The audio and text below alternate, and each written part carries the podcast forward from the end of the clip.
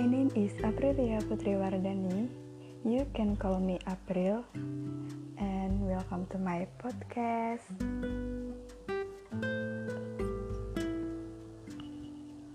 Let's discuss about description of Pigeon cognitive development theory and practice of real life conditions.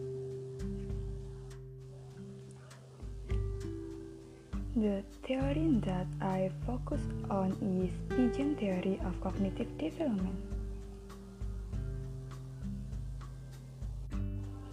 Theory describes theory which has the basis that its student has knowledge before they enter the process of learning and children have different ways of thinking.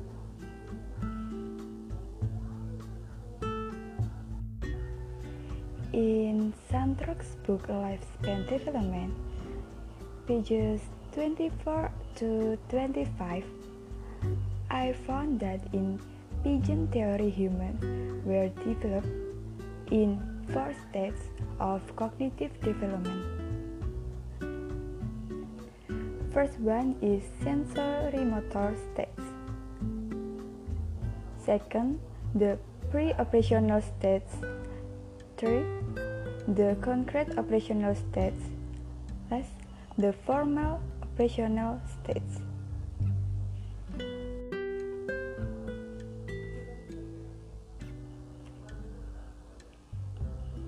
Piaget theory signs that children actively will understanding of the world. It's also contest to basic process in cognitive development, namely organization and adaptation. Practice in the real life.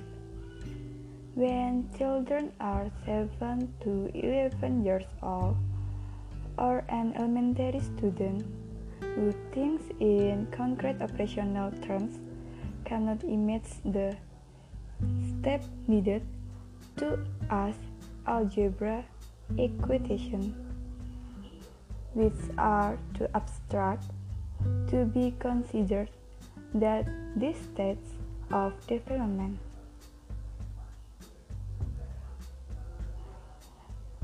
until here our discussion. Hopefully it will be useful to add to our insight. Okay, bye bye. See you again.